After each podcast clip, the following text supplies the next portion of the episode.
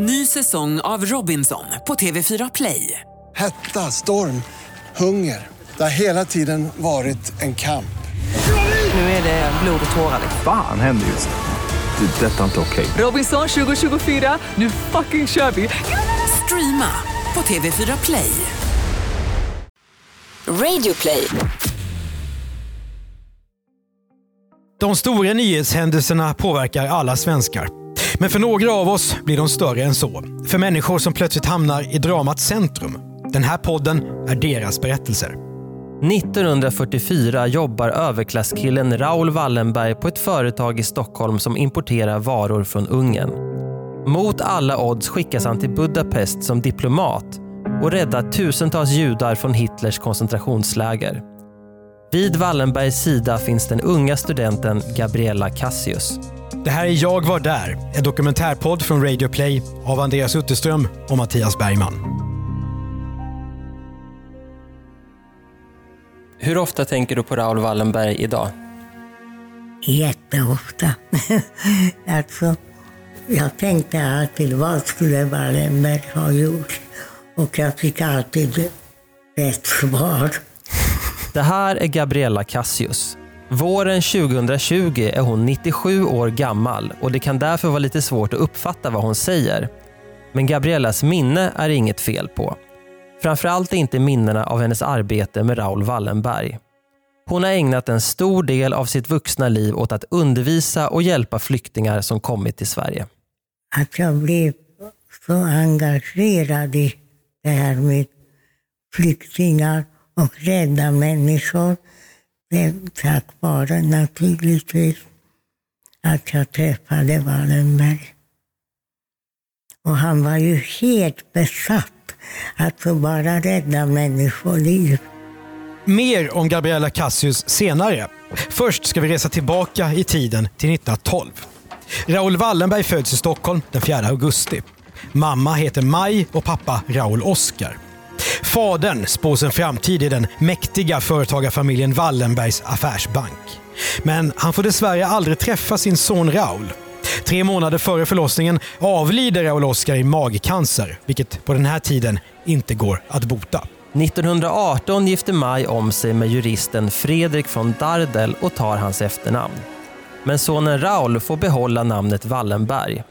Under barndomen är just det respektingivande efternamnet det enda som tyder på att den här lilla pojken kommer att gå till historien. Som barn plockar Raoul Wallenberg blommor till sin döde far. På kvällarna hör hans mamma honom säga “Godnatt älskade pappa” innan han somnar. Den historien berättas i boken “Det står ett rum här och väntar på dig” av Ingrid Karlberg. Det är ett standardverk om Raoul Wallenberg och också huvudkällan till det här avsnittet. Som barn kallar Raoul Wallenberg sig själv för den lilla latmasken. Skolkamraterna tycker att han med sina feminina drag ser ut som en flicka. Ibland börjar han gråta och får då öknamnet Maja-Lena. Genom hela livet kommer Wallenberg, idag känd för sitt mod, att prata om sig själv som en i grunden feg person. Men med tiden får han bättre självförtroende och utvecklas till något av en besserwisser. Om någon fuskar i skolan kan han hota med att skriva ett anonymt brev till rektorn. Efter lumpen lyckas Raoul Wallenberg övertala sin farfar om att få resa till USA. Det är 1931 och han skaffar sig en arkitektutbildning där. Sen reser han runt i världen. Erfarenheter som de flesta svenskar bara kan drömma om vid den här tiden. Men den stora frågan är, vad ska Raoul göra med sitt liv? Hans farfar är väldigt engagerad i frågan och lobbar för att barnbarnet ska få en roll i Wallenberg-imperiet. Men han stöter på motstånd från släkten där alla bevakar sina positioner. Raoul verkar också plågad av höga förväntningar och faderns imponerande person. I ett brev skriver Raoul om sin pappa. Jag har alltid känt mig mycket underlägsen honom. Jag känner mig som ett dåligt substitut. Den 1 september 1939 bryter det andra världskriget ut. Så här låter det i SF Veckorevy. I Stockholm mottogs underrättelsen om krigsutbrottet vid niotiden på morgonen den 1 september. Folk på väg till sitt arbete samlades utanför tidningarnas depeschbyråer och stämningen var tryckt denna vackra septembermorgon. Raoul Wallenberg är bland annat engagerad i hemvärnet och drillar tusentals hemvärnsmän i språngmarscher och stridsövningar. Och där imponerar han på omgivningen. Men annars är det lite motigt. Som 27-åring bor Raoul Wallenberg fortfarande hemma hos sina föräldrar. Han hittar inte riktigt sin väg i livet. Släkten Wallenberg involverar honom i några mindre projekt, men han släpps aldrig in i värmen. Bland vännerna är Raoul Wallenberg desto mer populär. Han tar alltid disken när de är ute och seglar. Han diskuterar gärna världspolitik. Och när han imiterar Churchill, Stalin och Hitler viker sig vännerna av skratt. 1941, precis innan Raoul Wallenberg fyller 29 år, får han till slut ett heltidsjobb som gör att han kan flytta hemifrån. Med titeln utlandsdirektör dessutom. Hans nya arbetsgivare är Mellaneuropeiska handelsaktiebolaget som importerar bland annat gäss, kalkoner och äggpulver från Ungern till Sverige. Det är full fart på affärerna och det passar Wallenberg. Äntligen får han jobba med business på riktigt. Han får också resa en hel del och med egna ögon se nazisternas framfart i Europa. Wallenberg är sedan länge övertygad antinazist. I hans ögon står Adolf Hitler för ren ondska. En åsikt som inte delas av alla i Sverige vid den här tiden. Vårvintern 1942 besöker Wallenberg Budapest som affärsman för första gången. En vacker stad som han förälskar sig i. Han går på cocktailpartyn och använder sin charm för att knyta kontakter till sin business. Raoul Wallenberg har börjat klättra i karriären. Många tänker nog att han så småningom kommer att bli en riktigt framgångsrik affärsman. Någon som både pappa och farfar skulle varit stolta över. Men ödet vill annorlunda. Nazisternas krigshandlingar blir allt mer ondskefulla. Mängder av judar skickas till koncentrationsläger där de mördas. Inte minst från Ungern. En svensk-amerikansk räddningsaktion börjar diskuteras. Amerikanerna sätter press på den svenska regeringen. Kan den skicka någon till Budapest för att hjälpa till? Valet faller på den unga affärsmannen Raoul Wallenberg. Han är driven och har ungerska kontakter. Men vissa i beslutskedjan är tveksamma. Är det verkligen en bra idé att ge en rookie ett så svårt uppdrag? Och är Wallenberg inte lite för mycket äventyrare för sitt eget bästa? Men till slut får han frågan. Och Raoul Wallenberg tackar ja. Ett beslut som kommer att förändra både hans och tusentals judars liv.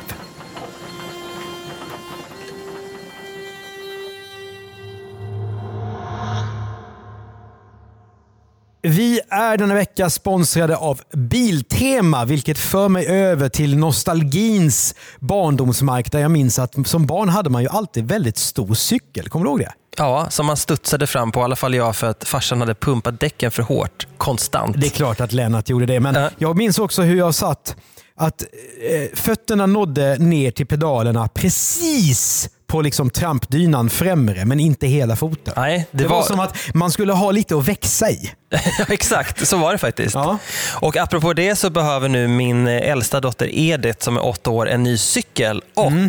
då är jag lite sugen på den här Mattias, vad säger du? En röd eh, cykel, 24 tum eh, för 1999 kronor. Prisvärt.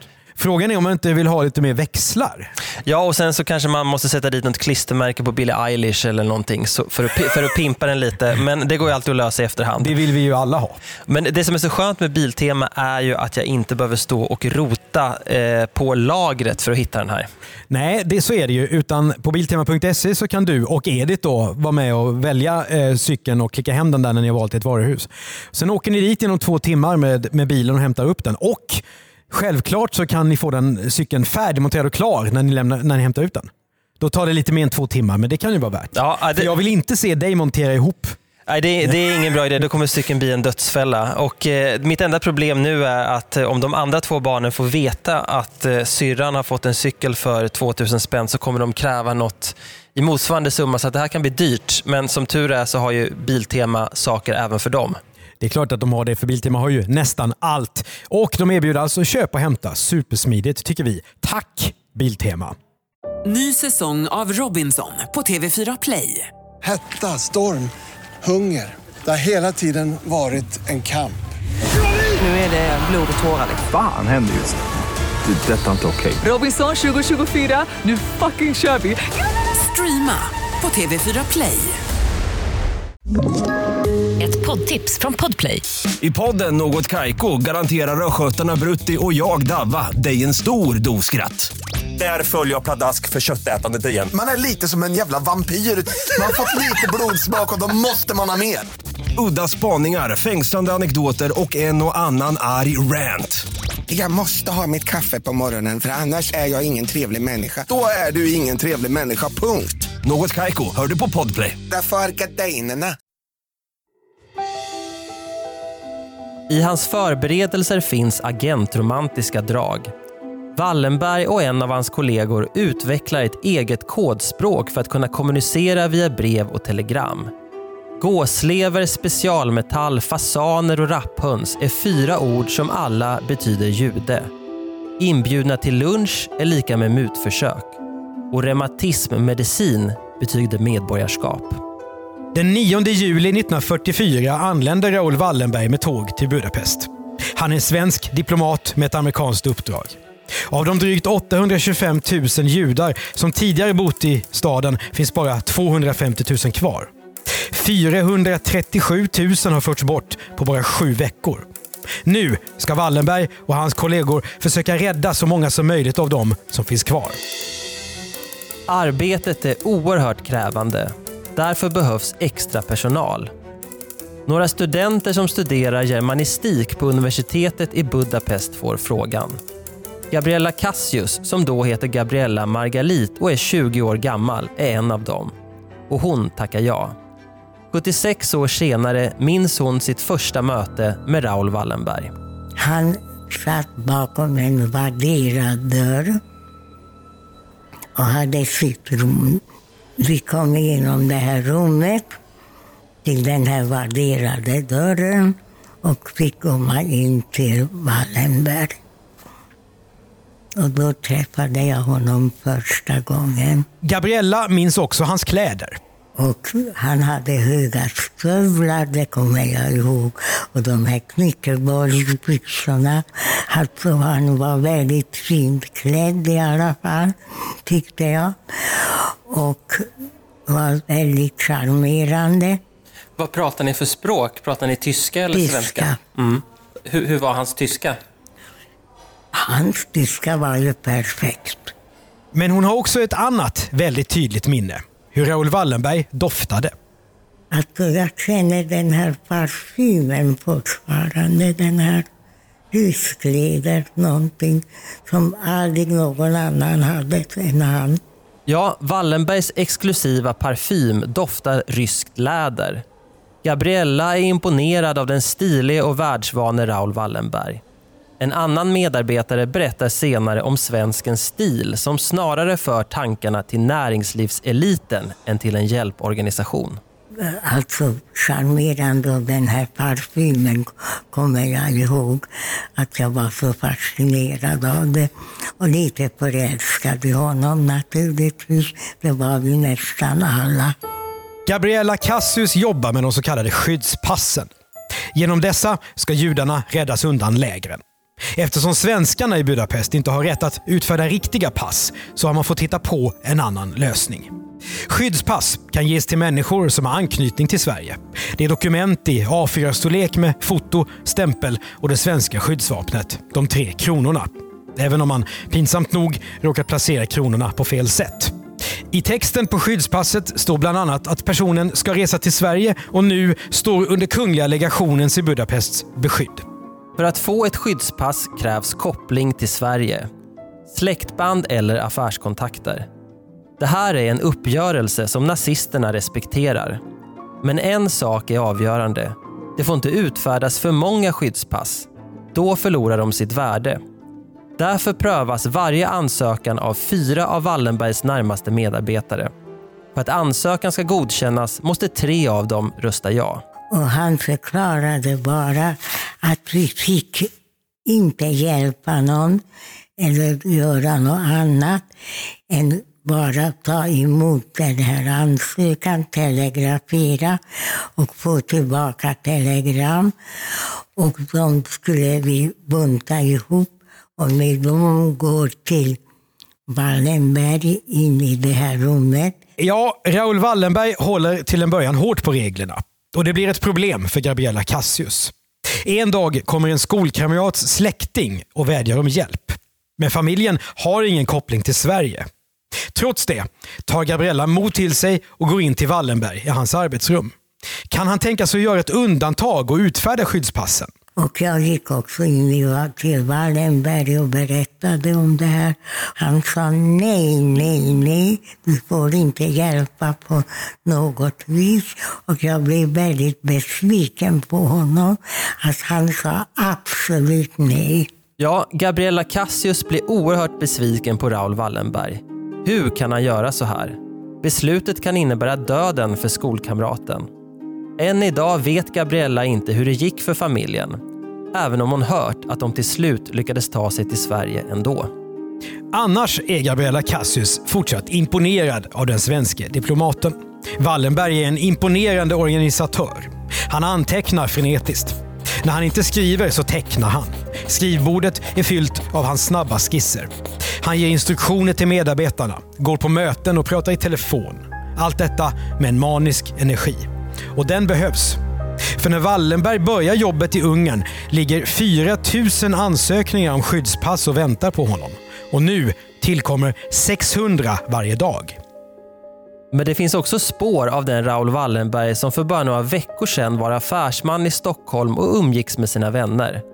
Hans höga skratt kan höras genom den vadderade kontorsdörren. Och när Wallenberg har en stund över diskuterar han gärna konst och arkitektur. Eller småpratar med Gabriella. Han gick och hade jättemycket kontakt med, med tyskar och andra. Och han gick och åt lunch. Och när han åt lunch då gick han alltid genom vårt rum. Och då pratade han lite kanske med oss också. Men han var med mycket snabba steg iväg att träffa olika tyskar. Ja, Raoul Wallenberg har kontakter med mäktiga nazister. Som Adolf Eichmann, en av dem som ansvarar för deportationen av judar och som kommer gå till historien som en av de mest ökända krigsförbrytarna. Rauls förbindelse med Eichmann är något som senare kommer få stor betydelse för Wallenbergs öde. Men det är han än så länge helt ovetande om. Wallenberg ser kontakterna som en viktig del av jobbet. Men att ha att göra med den ökände Eichmann är inte enkelt. Tysken är både lynnig och gravt alkoholiserad. Han får regelbundet raseriutbrott på det han anser vara missbruket med skyddspassen. Wallenberg slåss ändå för sin sak. Men svensken talar för döva öron. När de träffas vid ett tillfälle säger Eichmann att han ska göra allt i sin makt för att motarbeta Wallenberg. Tysken kommer också med en varning och säger olyckor kan alltid hända även en neutral diplomat. Senare säger också Eichmann till sin närmaste krets att han tänker låta skjuta, som han uttrycker det, judehunden Wallenberg. Vad tänker då Wallenberg innerst inne om kriget och sin egen framtid? Ingen vet. Men sensommaren 1944 är det uppenbart att tyskarna kommer att förlora kriget. Det inser också högt uppsatta nazister. Elva dagar efter att Wallenberg har börjat sitt arbete i Ungern utsätts Hitler för ett misslyckat attentat. Det ryktas om fredsförhandlingar, men striderna fortsätter. I september 1944 har Raoul Wallenberg arbetat i Budapest i två månader. Den svenska legationen har tagit emot 11 000 ansökningar och utfärdat 3 500 skyddspass. Men nu stöter Wallenberg på problem. Under radarn pågår svarthandel med passen. En känd mördare tas till och med på bar gärning när han förfalskar skyddspass. Wallenberg blir rasande. Det här äventyrar människors liv. Han skärper kraven och tillsätter en säkerhetsansvarig. Det blir allt svårare att utföra arbetet. Flyglarm och bomber avlöser varandra. Gabriella Cassius minns hotellet där hon tillfälligt bor fick det här huset 24 bomber och det fanns inget hus att gå upp till. Och då började vi bara bo i de här fantastiskt bra skyddsrummen som var Budapests bästa, som var, hörde till det här hotellet. Och där har de lagrat mat och viner och allting. Så där filtar, allt fanns. Så vi hade hur bra som helst där. Men man kunde inte gå upp på gatan för då kom man in i gatustrider. Raoul Wallenberg inser att han har kommit till vägs ände. Dessutom närmar sig ryssarna Budapest och han planerar att lämna Ungern innan de stormar in i stan. Men när en hjälporganisation skjuter till vad som i dagens penningvärde är närmare 4 miljoner kronor bestämmer Wallenberg sig för att stanna. Men i oktober 1944 ställs allt på ända. Pilkorsarna, de ungerska fascisterna, tar över makten i landet. I svallvågorna av kuppen drar en antisemitisk mobb fram genom Budapest. Mördandet av judar börjar redan det första dygnet. Människorna släpas ut från sina bostäder, ner till floden Donau och skjuts ihjäl. Alla hus märkta med den judiska stjärnan låses utifrån. Judehatet har gått in i en ny skrämmande fas. På svenska legationen i Budapest utbryter panik. Vad ska man göra nu? Raoul Wallenberg blir allt mer järv i sina räddningsaktioner. Det finns uppgifter om att han i november får veta att ett hundratal judar har gripits trots att de står under svenskt beskydd. Han åker då till synagogan där de hålls fångna, ställer sig vid altaret och kallar till sig de som har svenska skyddspass. Därefter körs de därifrån. Gabriella minns att Raoul Wallenberg blir allt mer nedslagen. Efter att ha trampat runt på Budapests gator på en gammal damcykel stannar han till och pratar med henne. Och sen kom han alltid tillbaka och sa att hur illa han blev behandlad och de sa att han var judehund och allt möjligt. I november åker Wallenberg och en kollega till dödsskeppen. Pråmar fullastade med judar på väg mot döden. De mutar vakterna med rom och cigaretter för att kunna dela ut konserver, smörgåspaket och medicin. Desperationen är så stor att slagsmål utbryter. Folk är så medtagna att de nästan tvingas tillbaka till djurstadiet, skriver Wallenberg senare i en protest till det ungerska inrikesministeriet.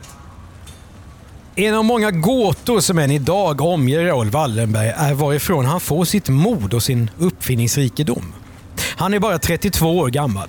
Ingen skolad diplomat. Hans kollega Per Anger har funderat på den saken och säger senare så här om sin kollega. Han var modig, han hade fantasi och han hittade alltid lösningar. I fredstid noterar man oftast inte en sån person. Men när det kom till en krigssituation som här i Budapest, då utvecklas de här gömda kvaliteterna. Och så var han ju en skådespelare, absolut. Han kunde förvandla sig själv till en väldigt brutal person. När han talade med tyskarna använde han deras språk och skrek åt dem. Även Gabriella Cassius får se Wallenbergs förvandling och ilska. Men den är inte riktad mot henne utan mot SS-soldaterna som dyker upp för att granska skyddspassen. De passerar Gabriella på väg mot Wallenbergs rum. Hon minns särskilt en gång när den alltmer pressade svenske diplomaten får ett raseriutbrott. De skulle kontrollera om någonting tror jag stämde inte kanske, hur det var.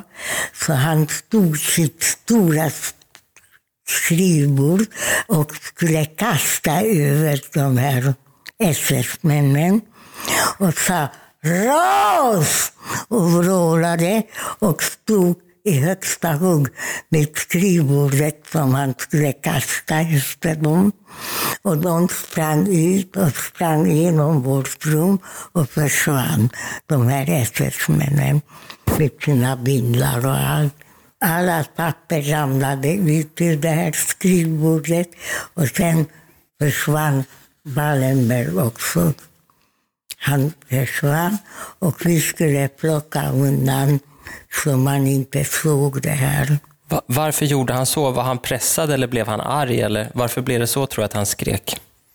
Ja, han hade naturligtvis kanske saker som inte var godkända. Mm. Och också han, du vet, där på den här humanitära legationen fanns en överavdelning och där gömdes ju människor.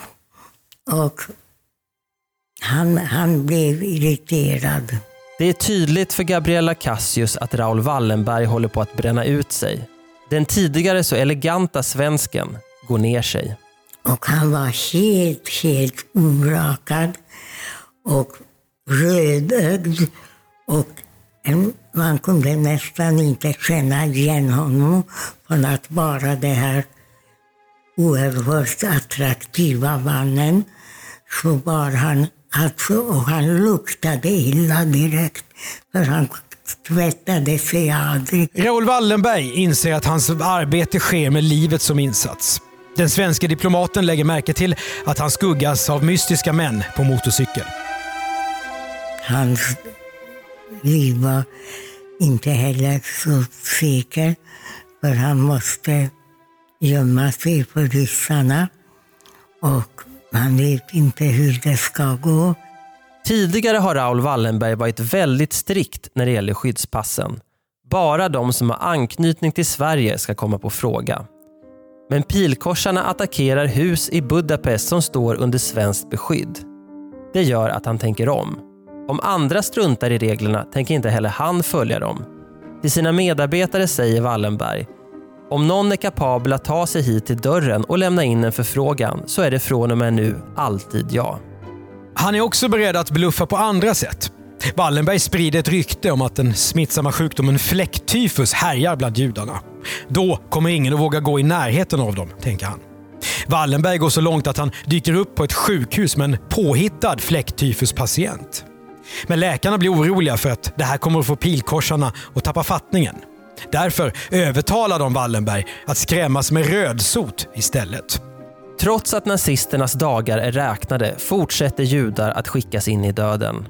Vissa av dem samlas på tågstationer i Budapest för att skickas vidare till lägren. Wallenberg åker själv dit och försöker hjälpa så många som möjligt. Vissa har inte ens skyddspass, men Wallenberg bluffar. Enligt uppgift lyckas han rädda hundratals personer undan döden på det här sättet. Och Gabriella Cassius är flera gånger på plats tillsammans med Wallenberg. Vad jag gjorde egentligen var att jag var med på den här lastbilen som skulle åka tillbaka till den här humanitära delen och försökte få upp dem där de här gömda människorna var. Den 8 december 1944 skriver Wallenberg ett brev till sin mamma hemma i Stockholm.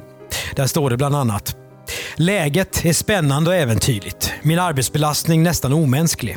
Banditer drar omkring i staden, pryglar, plågar och skjuter människor. Bland min personal har bara jag haft 40 fall av bortföranden och misshandel. I det stora hela är vi dock vid gott humör och gläds åt striden. I ett PS lägger han till Troligen stannar jag i alla fall rätt så länge här. Det finns många exempel på att Raoul Wallenberg är en duktig förhandlare. Först som affärsman, sen som diplomat. Men till slut blir det Wallenbergs tro, eller övertro, på sin egen förmåga som blir hans fall. I januari 1945 bestämmer han sig för att söka upp den sovjetiska ledningen och den provisoriska ungerska regeringen i östra Ungern. Wallenberg vill att beskjutningen av de hus som tillhör den svenska beskickningen ska stoppas och att judar i gettot ska räddas. Men han har också en annan idé. En plan på en hjälpaktion av judar. I sin portfölj har han ett detaljerat PM om något han kallar Wallenberg-institutionen. Fram till nu har Raoul Wallenberg hållit en låg profil och inte lyft fram sina egna insatser. Men nu ser han tydligen tillfället att ta steget ut i rampljuset. Wallenberg har till och med skrivit ett upprop till det ungerska folket som ska användas när ryssarna ger klartecken. Idén skrämmer Wallenbergs medarbetare. Ingen vet hur ryssarna kommer att reagera. Hjälpaktionen är ett livsfarligt projekt, säger de gång på gång. Gabriella Cassius är en av dem som vädjar till Raoul Wallenberg att tänka om. Men det var riskfyllt. Alla avrådde honom och jag avrådde honom naturligtvis också. Va, va, vad sa han då? Vad svarade han då?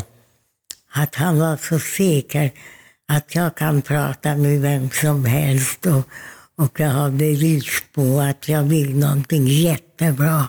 I januari 1945 reser Raoul Wallenberg iväg tillsammans med en chaufför. Men sovjeterna tar emot den svenska diplomaten med stor skepsis.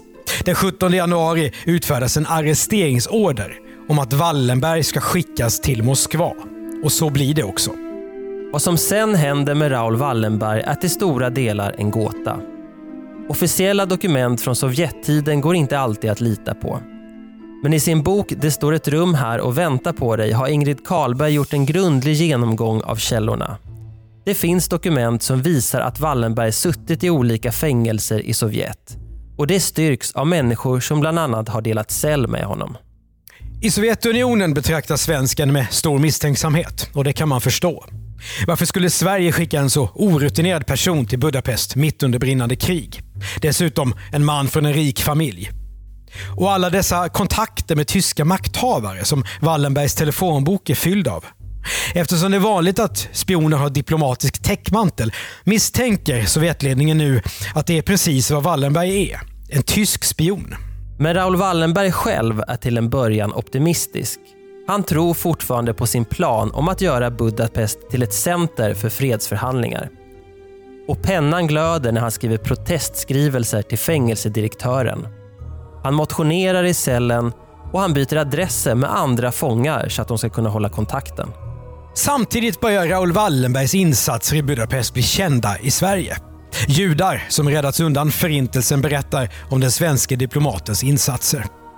Utrikesdepartementet utsätts för hård press, inte minst från Wallenbergs släkt. Han måste hem, nu. Men på UD är det som att man de första åren efter kriget inte riktigt vet hur den här frågan ska hanteras. Senare blir kritiken hård. Inte minst mot Staffan Söderblom, Sveriges ambassadör i Moskva. Han lyckas 1946 få till en hel timmes möte med Josef Stalin för att diskutera Raoul Wallenberg. Den sovjetiska diktatorn lovar att försöka lösa problemet. Och med det beskedet känner Söderblom sig nöjd och lämnar mötet efter bara fem minuter. Sedan händer ingenting. Och Det här är ett mönster som upprepas i årtionden. Svenska diplomater och statsministrar tar upp frågan om Wallenberg gång på gång. När muren faller och Sovjetunionen imploderar 1991 väcks hoppet igen. Men det kommer aldrig några vettiga svar eller dokument från Ryssland som Sverige kan acceptera. En av dem som följer nyhetsrapporteringen om Wallenberg extra noggrant är Gabriella Cassius. Efter kriget flyttar hon till Sverige. Hon gifter sig, får tre barn och blir lärare.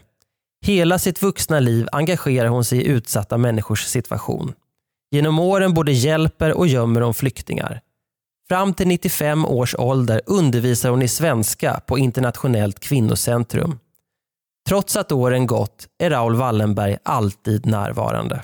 Ja, egentligen tänker jag just nu när jag blundar och inte är så aktiv längre, då kommer ju många av de här minnena upp på nätterna och så vidare. Åren går, men Raoul Wallenbergs halvsyster Nilla Lagergren och hans halvbror Guy von Dardel vägrar ge upp. 1989 tycks ett genombrott kunna ske. Släktingarna får en inbjudan av säkerhetstjänsten KGB och reser till Moskva. Där får de en låda med Rauls saker. Telefonboken, kalendern, några sedelbuntar, ett ungerskt körkort och diplomatpasset. Men frågan om när och hur Raoul Wallenberg dog förblir obesvarad. Och det är den än idag. För de allra flesta svenskar är Raoul Wallenberg idag en ikon. Någon man läser om i skolan. En person som fått monument byggda i sitt namn. Skolor uppkallade efter sig. Och som pryder ett svenskt frimärke. Men det är inte bara i Sverige som Raoul Wallenberg hyllas. I oktober 1981 utses han till amerikansk hedersmedborgare. President Ronald Reagan. Or herefore I am signing a bill to make Raoul Wallenberg an honorary citizen of the United States. But in making him a United States citizen, I think we're the ones that are being honored. Raoul Wallenberg is the Swedish savior of almost 100,000 Jewish men, women, and children. What he did, what he accomplished was of biblical proportions. Och 2013 nämner Barack Obama till och med Gabriella Cassius vid namn under ett tal i synagogan i Stockholm. I was proud to send my greetings uh, to your ceremony here in Stockholm. Today we're honored to be joined by those who loved him and whose lives he touched. Uh, members of the Wallenberg family, including his half sister Nina, and the family of his late half brother uh, Guy, Wallenberg's colleague, uh, Gabriela uh, Casesos, and some of the countless men and women whom Wallenberg saved from the Holocaust. Under sitt Stockholmsbesök träffar president Obama också Gabriela Cassius. Han är en imponerande och karismatisk person tycker hon. Precis som Raoul Wallenberg var. Men en sak skiljer dem åt. Parfymen. Den som Obama använder luktar inte riktigt lika gott som den som Wallenberg hade i Budapest 1944. För än idag, 76 år efter, kan Gabriella Cassius fortfarande känna den exklusiva doften av ryskt läder. Du har hört ett avsnitt av Jag var där, en dokumentärpodd från Radio Play av Mattias Bergman och Andreas Utterström. Exekutiv producent Jonas Lindskov. Klippet med Ronald Reagan kommer från Ronald Reagan Presidential Library. Och Barack Obama-klippet är taget från Vita husets officiella YouTube-konto. För Radio Play gör vi dessutom poddarna Misslyckade brott och Misslyckade affärer. Vi driver även specialistbyrån för innehåll, commercial content och gör du podden Världens bästa innehåll. Ge gärna synpunkter eller idéer till jagvardar.bplus.se. Om du betygsätter avsnittet eller skriver en kommentar i din poddspelare är det fler som hittar hit.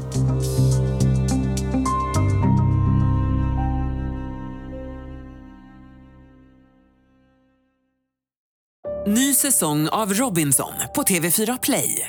Hetta, storm, hunger. Det har hela tiden varit en kamp. Nu är det blod och tårar. Fan händer just nu. Det. är Detta är inte okej. Robinson 2024, nu fucking kör vi! Streama på TV4 Play.